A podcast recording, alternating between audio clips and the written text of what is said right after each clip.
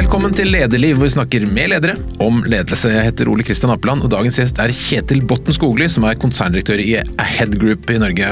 Velkommen, Kjetil. Tusen takk. Det er ikke så mange som vet hva Ahead Group er? Nei, det er det ikke. og Det visste nesten ikke jeg heller, før jeg begynte der for noen uker siden. Så, så, men det det er, er at det er en eh, byrågruppering. Eh, består av uh, ulike typer byråer innenfor kommunikasjonsbransjen. Alt fra CRM, sosiale medier, Eh, event til eh, reklame. Og content, ikke minst. Um, som, som, er eid av Aller-familien i, i, Danmark. Ja. Og har holdt på en 10-15 år her i Norge. Bygd dette opp. Uh, både organisk og, egentlig, og gjennom oppkjøp. da. Det må vi snakke mer om. Men eh, du kom da fra reklamebyrået Pol, hvor du har vært eh, leder tidligere. Og så har du vært tidligere markedsdirektør i KLP, du har vært i NSB, DNB, byggmaker Asse Nilsen, Orkla Mille. Du har mm. vært hos veldig mange av de norske annonsørene som ja. markedsfører. Ja. Helt siden 1996. Ja. Hva er de største forandringene som har skjedd eh, i markedsføring i Norge på den tiden? Oi, det er, eh, det er, mye. Det er for det første så altså, det, Kanskje den største endringen er, for å si det veldig kort, at det har blitt veldig komplekst. Veldig mye mer komplekst enn det det var. Når jeg begynte i ja, i 96 så, så, så, så, var det jo liksom da, da, var det TV, print og radio primært som var, ikke sant. Så, den utviklingen som har skjedd der i medieforbruk og, og, og, den kompleksiteten det har eh, medført, har selvfølgelig vært liksom, det, er en, det, er en, kjempeendring. Eh, og så er det også de senere årene liksom en kjempeendring i hvordan hvordan bransjen jobber med byråer. Som også har vært liksom, Hvor det nå etter hvert kommer flere og flere typer modeller for det eh, enn det det var tidligere. Så det har vært en, eh, en, eh, så langt veldig veldig spennende reise hvor det har skjedd noe hele tiden rett og slett. Mm. Men den største endringen er nok selvfølgelig digitaliseringen og, og alt det det har ført med seg av liksom økt kompleksitet da, og endra brukeratferd. Mm. Og en del av de bildene, Før så visste man hva alle drev med, man så, man så mm. mens, mens, nå er det et sånt mm. stort usynlig univers fordi at jeg får ja. noe annet i feeden min enn det du får. så Det er ja. mye mer komplisert? Langt mer komplisert. Eh, veldig krevende for eh, annonsørene selvfølgelig, og merkevarene. Og, og, og, krever en helt annen kompetanse også hos byråene, som, som jeg jobber med nå. Da. Så, så det, det, har blitt ekstremt mye mer komplisert, men så ser vi også at liksom, kompetansen har jo liksom kommet etter. Etter hvert, da. Eh, også hos, eh, hos merkevarene. Eh. Men Betyr det at det er vanskeligere å markedsføre, altså å få en posisjon i, mark i markedet i Norge enn det var for 25 år siden? Ja, jeg tror nok det at man må jobbe enda hardere for det. Eh, det er, det er, med, det er blitt en større, en større, jungel der ute, for å si det sånn. Mm. Tidligere så hadde du ressursene, så kunne du liksom bruke massemediene til å slå gjennom og få liksom, treffe veldig bredt uh, veldig raskt. Nå, nå, endrer jo det bildet seg. Og sånn at det, det, er langt vanskeligere nå å nå gjennom, og man bruker andre typer virkemidler. da. Eh, og en kombinasjon av ulike typer virkemidler for å, for, å, for å, nå gjennom på samme måte som kontra hva det var for noen år siden. bare. Mm. Hva har skjedd med markedsførernes rolle og posisjon i selskapene? Min opplevelse er at eh, de har blitt viktigere, eh, og at trenden går mot at det er Altså Man ser mer det, man kaller markedsføring og forretningsutvikling eh, henger stadig tettere sammen. Det betyr at liksom det, det vi driver med er, eh, er eh, eh, ja, rett og slett en stadig viktigere del av, av utviklingen til merkevaren. Det er ikke lenger liksom en innpakning av et produkt. Det er, det, er, selve produktutviklingen. Da. Så, så, det har vært en veldig, eh, veldig eh, interessant reise. Jeg, jeg husker jeg, jeg, studerte i USA. Det var eh, da, allerede da, for ja, det som er over 25 år siden. Nå er det jo liksom at Philip Kotler sa liksom at 'marketing is too important to be left to the marketeers'. Så, og det, det, det, har jo vist seg å være, bli mer og mer sant, da. Men er markedsføringen mer invaderende i dag i forhold til forbrukeren? Jeg tror um, på mange måter er den kanskje det, uh, men på andre måter ikke. Altså før, i dag, vi velger jo i dag langt mer av hva vi skal se. eh, og, og eksponeres for. Samtidig så, så er jo liksom mangfoldet og volumet eh, på det er jo langt større enn det det var. ikke sant? Så, så, så jeg, jeg, vil si at eh, der man tidligere ikke hadde noe valg å bli eksponert for ting, så, så, har man i dag kanskje noe mer valgfrihet, men samtidig så tror jeg liksom at trykket på det er kanskje enda sterkere allikevel da, enn det det var. Og så er jo teknologien slik at man følger forbrukeren på ulike måter. Har du inntrykk av at folk vet hvor mye markedsførerne vet om forbruker? Nei, nei, jeg har ikke inntrykk av at folk tenker over det uh, så veldig mye, egentlig. Uh, i, i, hverdagen. Uh, selv om det, det, er jo en økende bevissthet rundt det. Vi ser jo nå med med kongresshøringene i USA f.eks. rundt Facebook, så ser vi jo at, at dette det her er jo nå liksom det er, det er, jo etter hvert blitt et stort tema, men jeg, men jeg er litt sånn usikker på folk flest. Hvor, hvor, opptatt man er av det, egentlig. Uh, for å være helt ærlig. Man kan følge folk helt fra da reklameeksponering til folk kommer frem i, i hylla omtrent i butikken? Ja, i teorien så kan de jo det. Absolutt. Det kan man i dag. Så det ser vi jo liksom er liksom litt tilbake til det du spurte om innledningsvis, og liksom hva er de største endringene, så er jo liksom, ja, digitaliseringen, men igjen nå liksom bruken av data, ikke sant, er, er, eh, er jo blitt en, liksom en, en, veldig veldig viktig driver for, he, for hele den utviklingen. Mm. Og, og, det å eie data. ikke sant? Hvem eier dataene dine? Uh, og hvem eier nok data til å kunne effektivt liksom bruke det mot, uh, mot større målgrupper? da. Mm. Uh, det, der går det jo et eh, ganske heftig race, ikke sant. Men du har jo da vært eh, sentral i, i Markedsføring Norge i så mange år. Er det, hva er dine beste minner, beste kampanjer, største ting som du har vært med på som du liksom tenker tilbake på med glede? Nei, altså det, det, er det, er noen sånne milepæler man har hatt, ikke sant, som øh, man, man, kanskje er ekstra stolt av å ha fått til. Jeg, jeg, jeg kan jo gå helt tilbake til liksom den første jobben min, hvor jeg var så heldig å uh, få begynne i det som i dag heter Mils, da, uh, som het Forma den gangen. Forenede margarinfabrikker. Men det er jo samme selskapet. Bytta navn til Mils mens jeg var der. Um, hvor jeg fikk lov å være med på Der gikk jeg en veldig god skole og fikk være med å lansere hele denne Vita-serien til, til, Mills. Som var liksom den gangen Norges første såkalte functional food. Så det var en veldig, sånn, veldig god skole å få gå, for man fikk være med helt fra produktutviklingen helt til produktet var ute i butikk. Så det er, det er jeg liksom veldig stolt av, på en måte. Mm. Å se at det, det, produktet fremdeles lever i aller beste velgående, eller den merkevaren som det har blitt, da, og, og, og stadig liksom kommer i nye former. Og Ehm, at det har vært en, en produktutvikling innenfor den merkevaren, er, er kjempe, kjempespennende å se. Og så, så, er jeg, jeg er jo eh, Hvis man skal dra fram noen sånne enkeltstående ting, så er det klart at den tiden jeg var kreativ leder i DNB, fikk vi til ganske mye. Eh, på, på ganske kort tid. Eh, Um, og, det at vi da sant, i den fasen både fikk lagt den, den merkevareplattformen som DNB fortsatt uh, lever på, altså Bank fra A til Å-plattformen. Uh, det, det, det, det, er jeg veldig stolt av. Og så selvfølgelig en del av de der enkeltstående kampanjene vi gjorde den gangen som fikk, uh, som, som fikk enorm oppmerksomhet. Da. både med denne tattoo-filmen vi gjorde, husker jeg. Eh, og, og ikke minst liksom samarbeidet vi hadde med George Clooney mm. uh, i en periode hvor vi gjorde flere ting over en periode på halvannet år. Uh, som også fikk liksom voldsom oppmerksomhet. Det kom det var liksom folk som da, da, da, tok jo folk kontakt med banken og sa at jeg, jeg, vet ikke hva det er, men jeg skal ha det produktet. Uh, så da følte vi at vi hadde gjort noe riktig. Fikk du treffe eh, Clooney? Hmm? Fikk du treffe Clooney? Ja da, flere ganger. Så, så både i vi, både i, både i um, i Mexico, eh, og i, i, eh, hvor han hadde et hjem. Da. Eh, og også i Como i Italia, hvor han også hadde en, en liten feriebolig der nede. Mm. Hvor han hang med En liten hytte?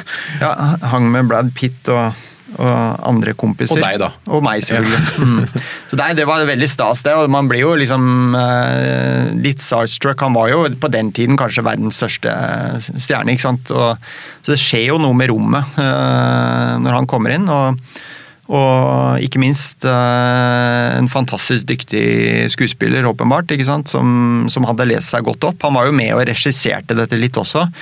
Og, og, hadde liksom tenkt godt gjennom dette på forhånd. og Eh, eh, og, og, hadde en del innspill underveis som var veldig gode. Da. Så um, selvfølgelig. Jeg husker han skulle se på bolig på Lillestrøm, i hvert fall denne filmen. Ja, stemmer det. Det, det var en, ja, I den første kampanjen vi gjorde, så, så kjøpte han seg en, eh, en, bolig på Lillestrøm. Ja.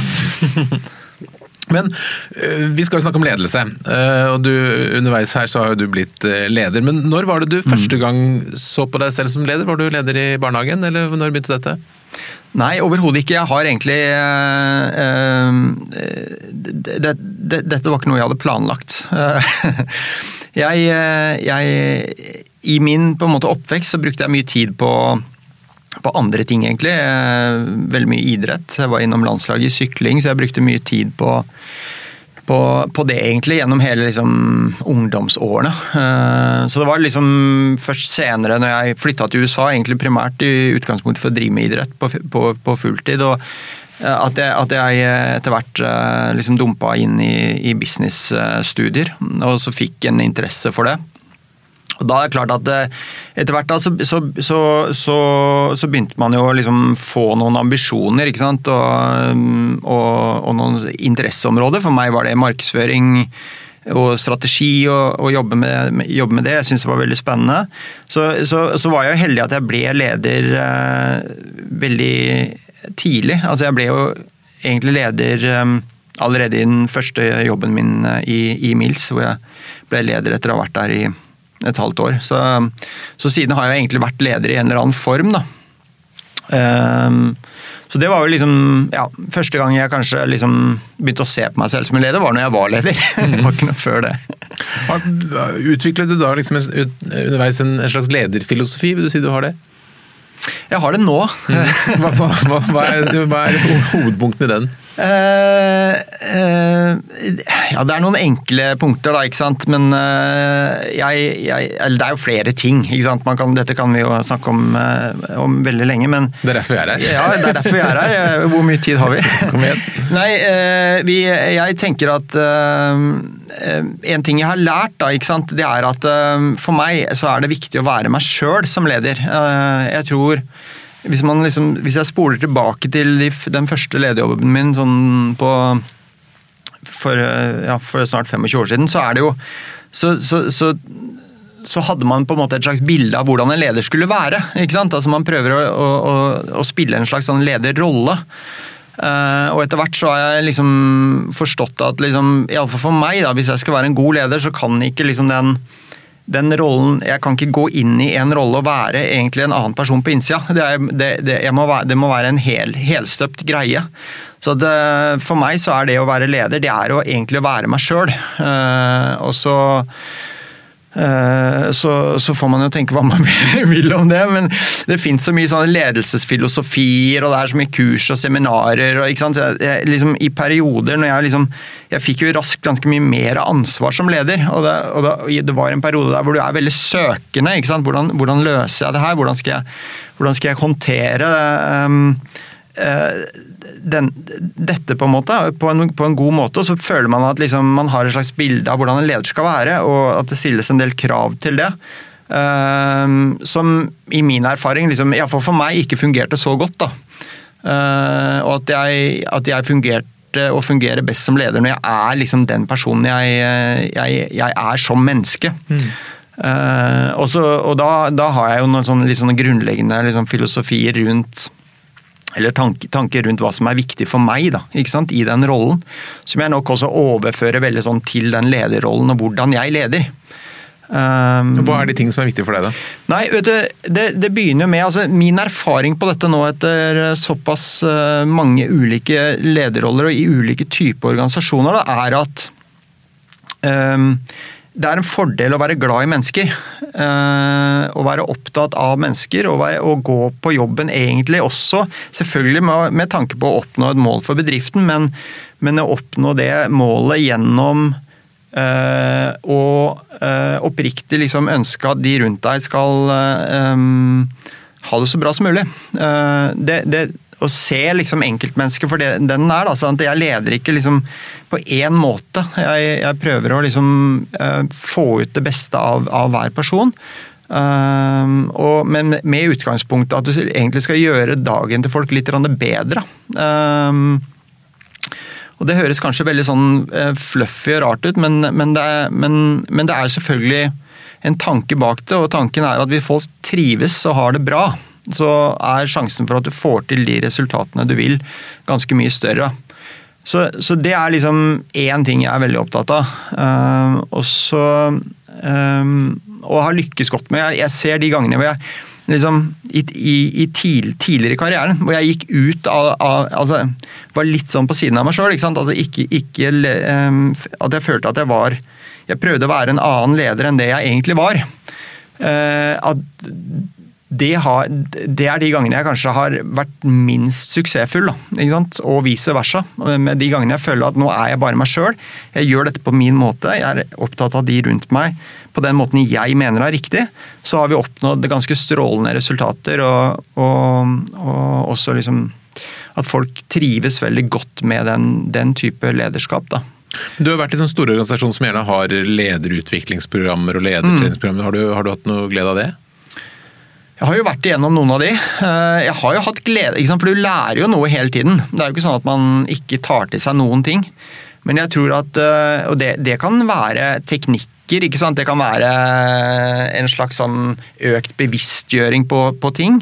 Men, men, helt grunnleggende så føler jeg at jeg eh, at um, det har jo ikke endra meg som person. ikke sant? Så, så, Sånn sett så har det heller ikke endra ved måten jeg leder, leder på, men det, men det, har gjort meg mer oppmerksom på, på, på ting i den, i den, prosessen. da.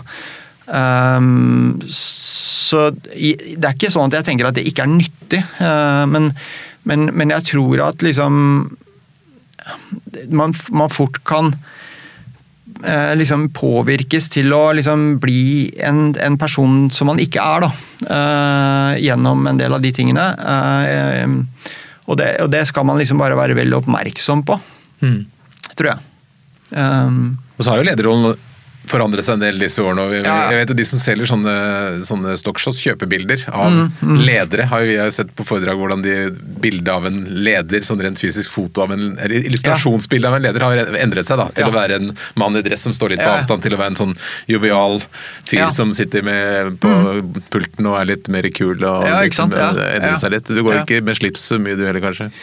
Nei jeg, nei, jeg bruker ikke slips. Det gjør jeg ikke. Men jeg prøver å kle meg litt etter forholdene, men, men det må man jo se an litt etter hvor man jobber. Men, eh, men, eh, men, jeg er veldig sånn eh, eh, Tilhenger av å være som leder, selvfølgelig. Du skal være tydelig. Eh, og du, du eh, Det er nok en del som går i den fella at man blir liksom litt for mye liksom sånn en i gjengen også, ikke sant. Så det er den der balansegangen der, fordi at folk det, folk forventer jo av deg at du skal ta beslutninger, at du skal være tydelig på liksom, retning.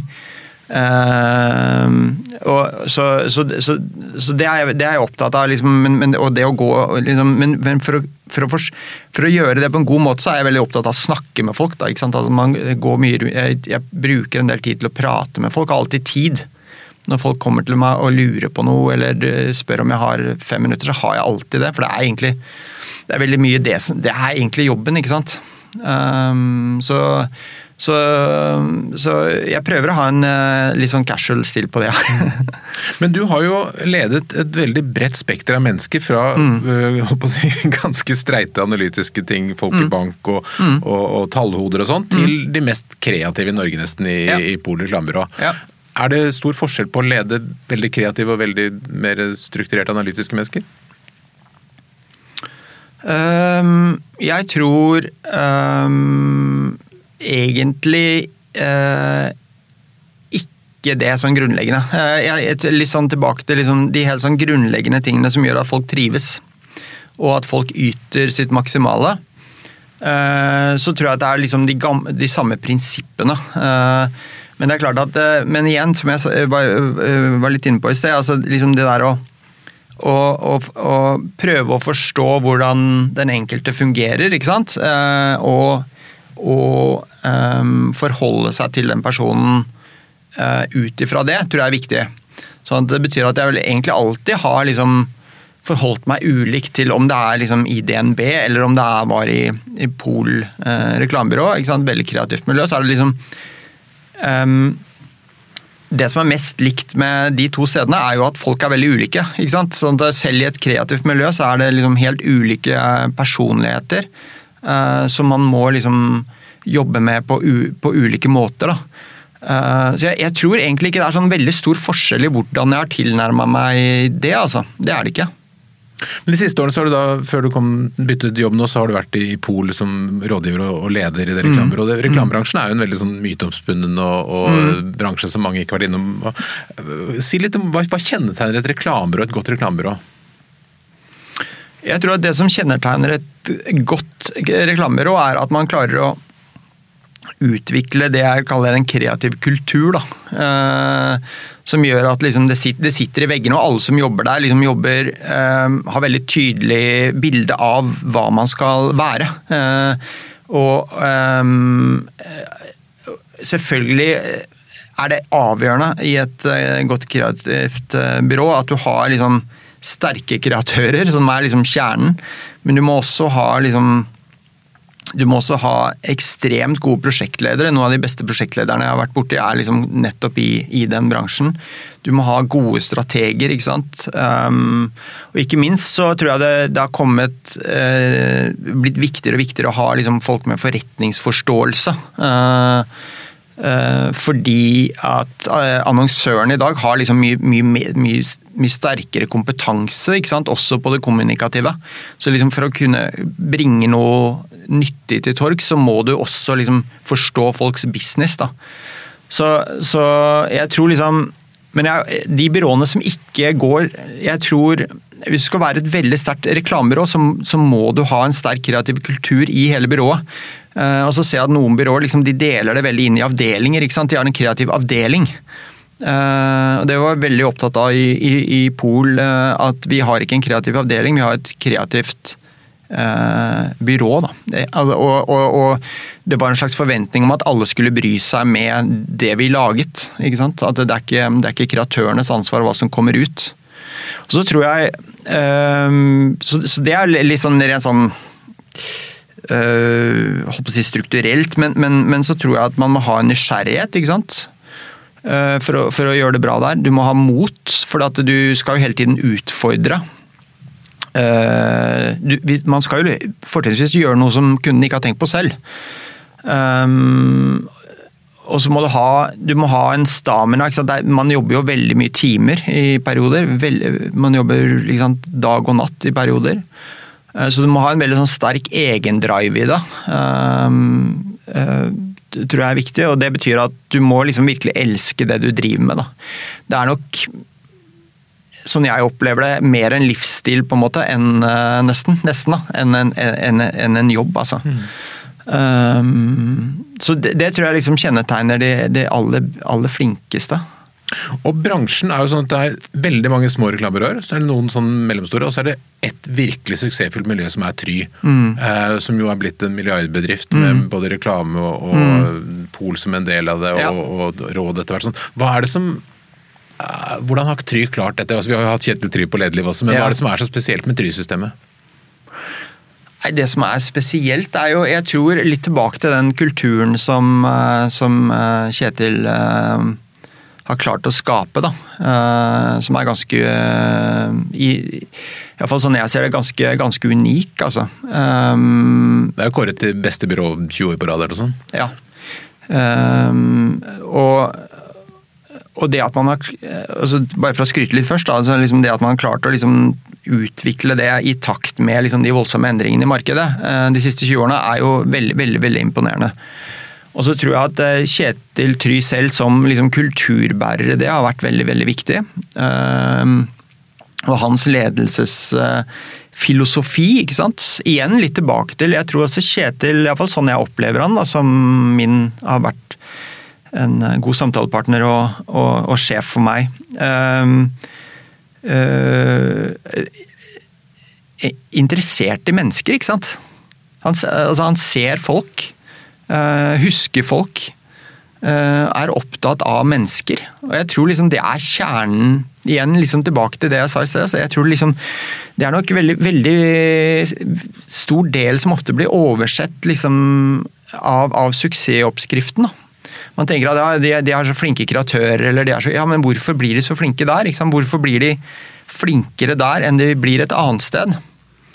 Uh, så jeg tror de har liksom, går litt tilbake til det. Og så er det så når jeg ser det også liksom litt det der eh, organisatoriske igjen. Altså det er null byråkrati. Det er en så flat struktur som mulig. Det er så lite internmøter som mulig.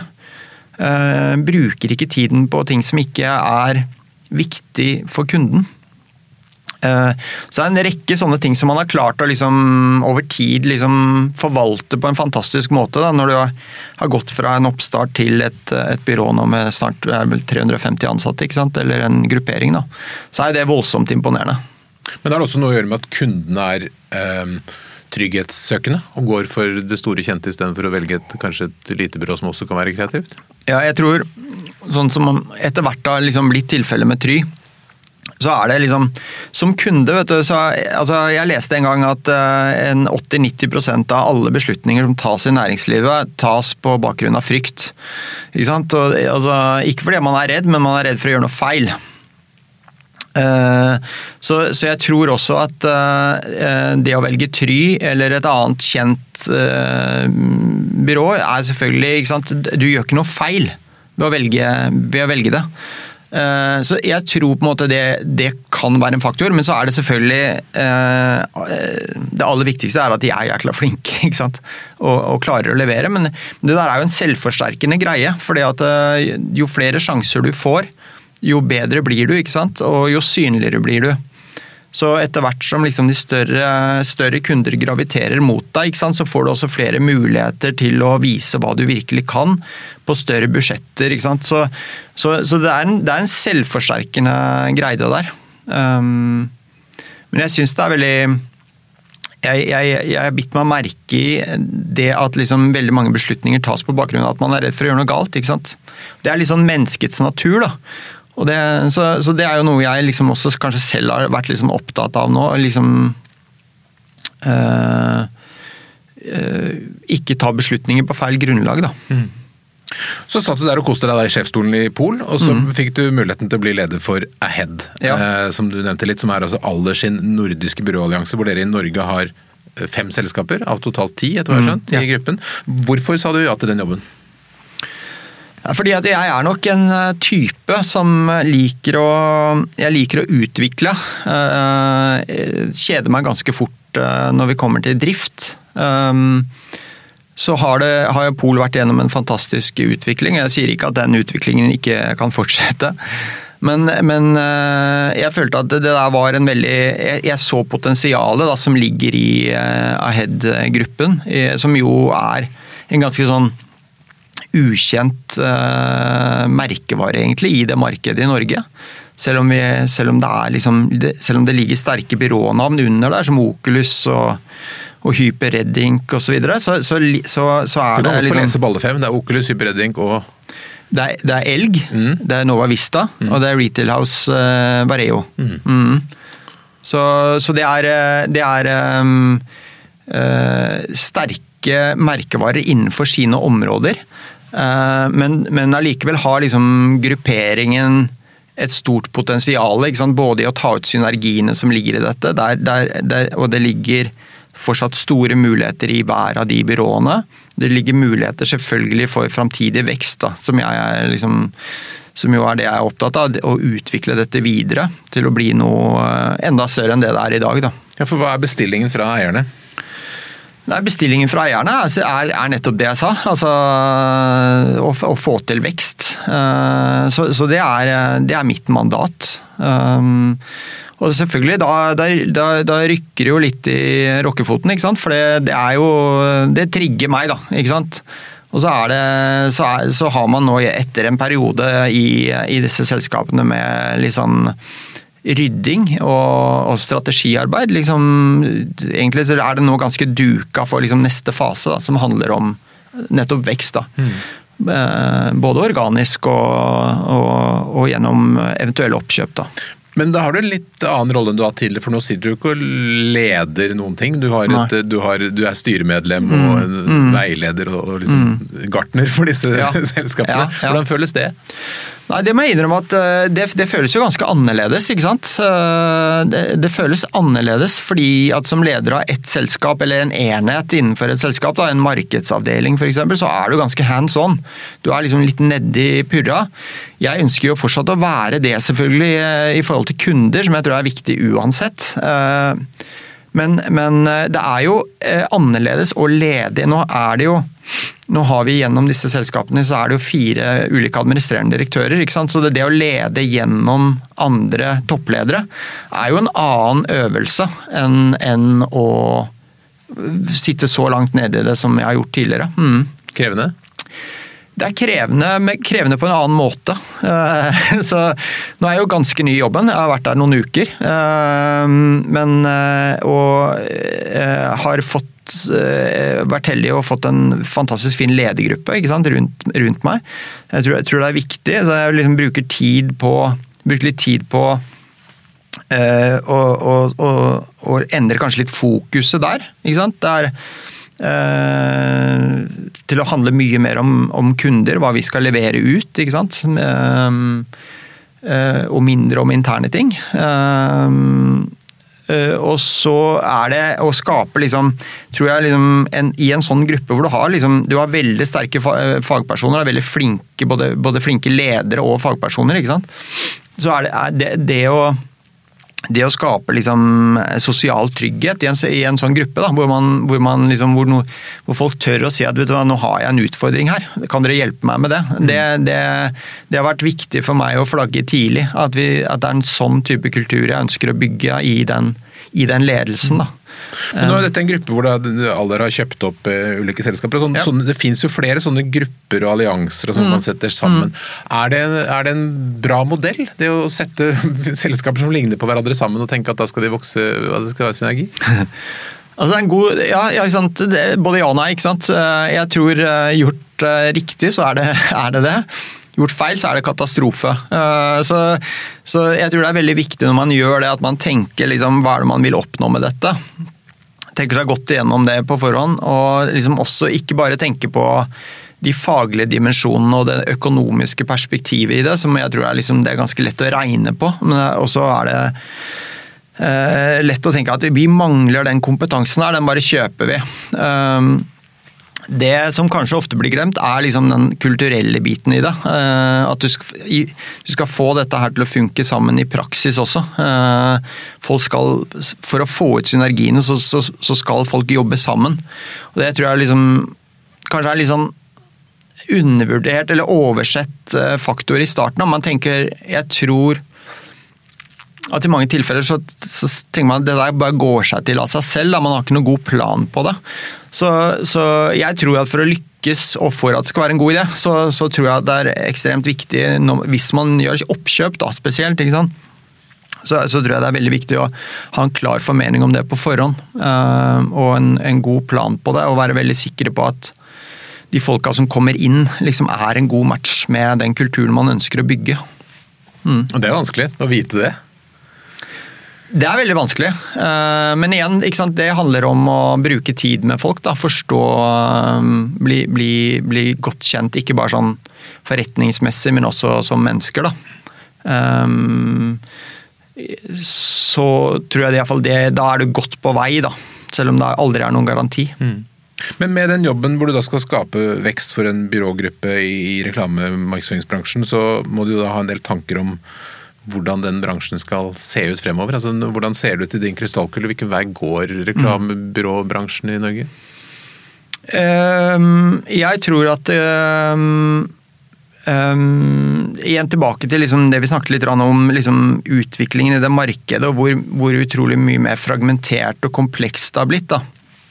Så tror jeg at uh, og Det i kombinasjon med at man ser liksom kunder uh, eller merkevarer selv liksom bygger opp kompetanse på veldig mange områder internt. ikke sant?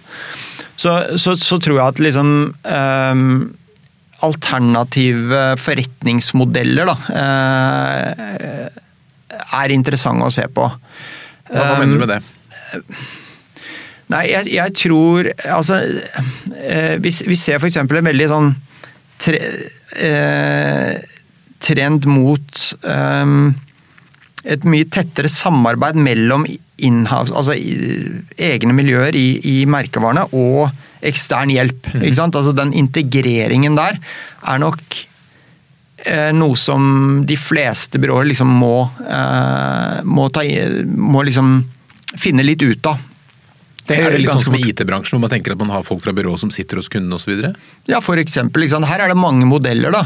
Så er det liksom, Hva er det man skal bidra med? Vi ser at liksom, mange merkevarer har jo nå og mange, mange, mange annonsører da, har jo liksom etter hvert ganske mye folk som sitter hos seg selv og produserer. ikke sant? Fordi, fordi at etter hvert som fokuset dreier seg vekk fra liksom de store flatene Nå sier jeg ikke at TV-reklame ikke fortsatt er veldig viktig, for det er det absolutt. ikke sant? Men, men, men, hvis man ser på hvor mye penger er det som puttes inn i det i dag, av, altså i prosent av budsjettene, kontra alt den underskogen av sosiale medier og content-løp som mm. går, så, så, er jo den mindre, så er den mindre og mindre. Så det er mer og mer produksjon. og Da, liksom, da må jo spørsmålet være liksom, hvor er det man skal som byrå komme inn med sin kompetanse i forhold til det.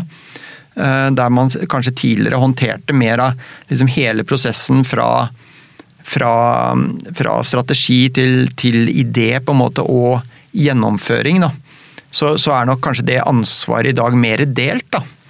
Og det, det, det tror jeg er eh, det, det, tror jeg er noe man må løse. Og så tror jeg at um, uh, flere og flere annonsører er litt lei av at de må ha um, hvis man tar reklamebransjen, altså Det kommer et reklamebyrå som er veldig god på å løse liksom et overordnet konsept, men når det kommer ned igjen da, til de 70 som de, hvor de liksom bruker 70% av pengene sine, så, så, så, så, mangler den kompetansen litt. Det, har vært veldig vanskelig å finne miljøer som et miljø da, som klarer å løse liksom begge deler. Som har den helhetlige forståelsen.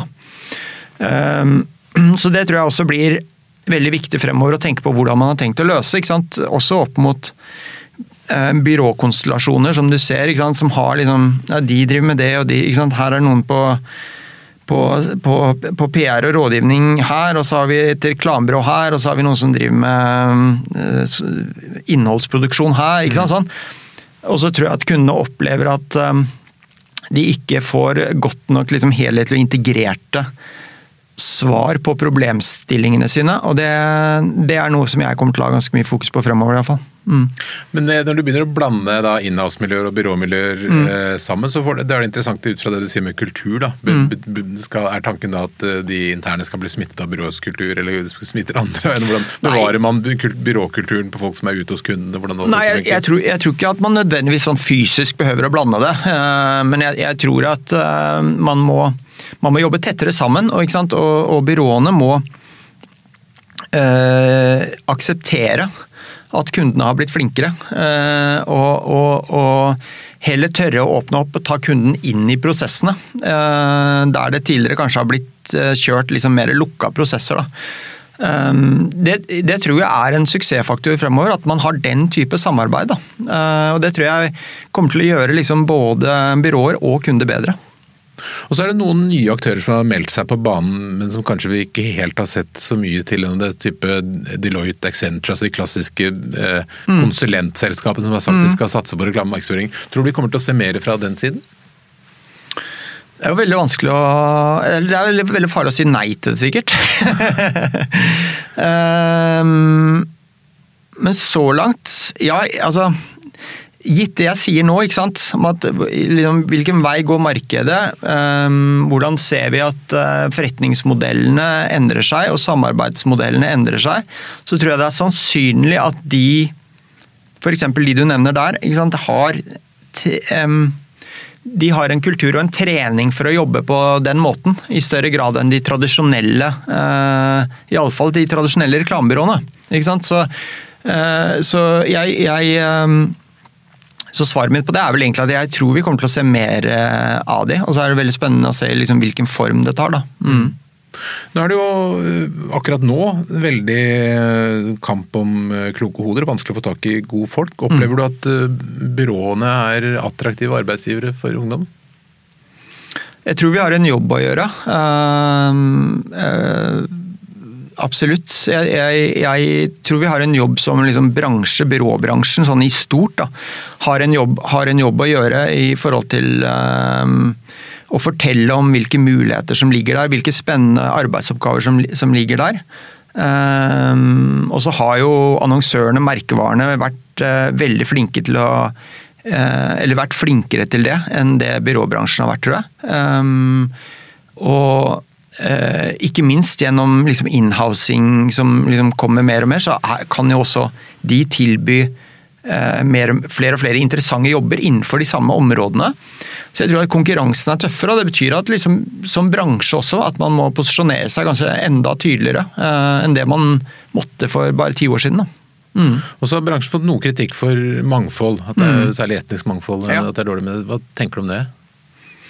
Jeg tenker at det er eh, helt eh, det er helt legitim kritikk. Eh, og så tror jeg ikke det er bevisst, nødvendigvis. Eh, selvfølgelig, Men jeg, jeg tror at bransjen har godt av mer mangfold. I, i, mm, I, min tid i, som et eksempel, så kan jeg si at og jeg tror i Norge så må vi bli mye flinkere til det.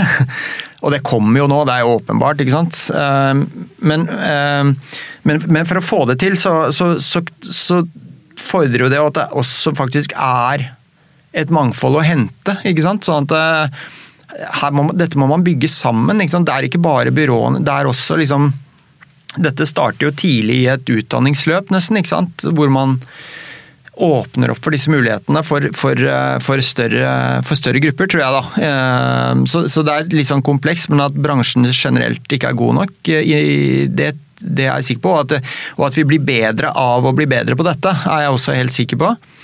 Jeg husker første gang jeg var så heldig at vi fikk um, uh, som, som, følge av at vi i, i min tid i Pol ble, ble kåra til det byrået som lagde den beste bilreklamen i verden, i, dette var i 2017, for Audi, mm. så ble vi invitert inn uh, til uh, liksom styrerommet i Audi i, i Ingolstadt utenfor München.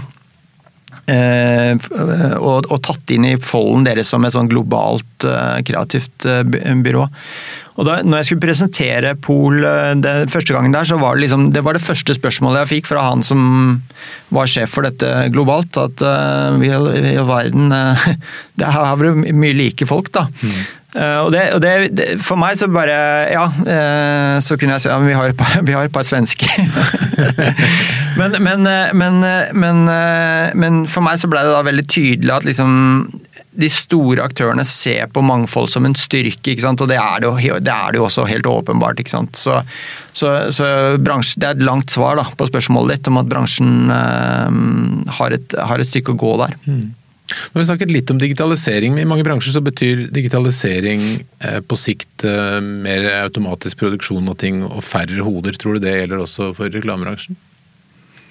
Uh, det er et veldig godt spørsmål. Jeg det kommer an på hvordan du definerer reklamebransjen. Jeg tror Den tradisjonelle delen av reklamebransjen kommer til å bli færre. Uh, og så tror jeg at de som driver med liksom, som vårt selskap Oculus for eksempel, på det området, ikke sant? De, ikke sant? De, flere, de, er jo en voldsom vekst. Hva gjør Oculus for de som ikke vet det? De gjør, uh, ikke sant? Det er CRM, marketing technology, altså den der kombinasjonen av liksom marketing og teknologi, eh, den er jo i voldsom vekst. Så der, der, det, der, fører det til at det er liksom eh, en veldig økning i antall.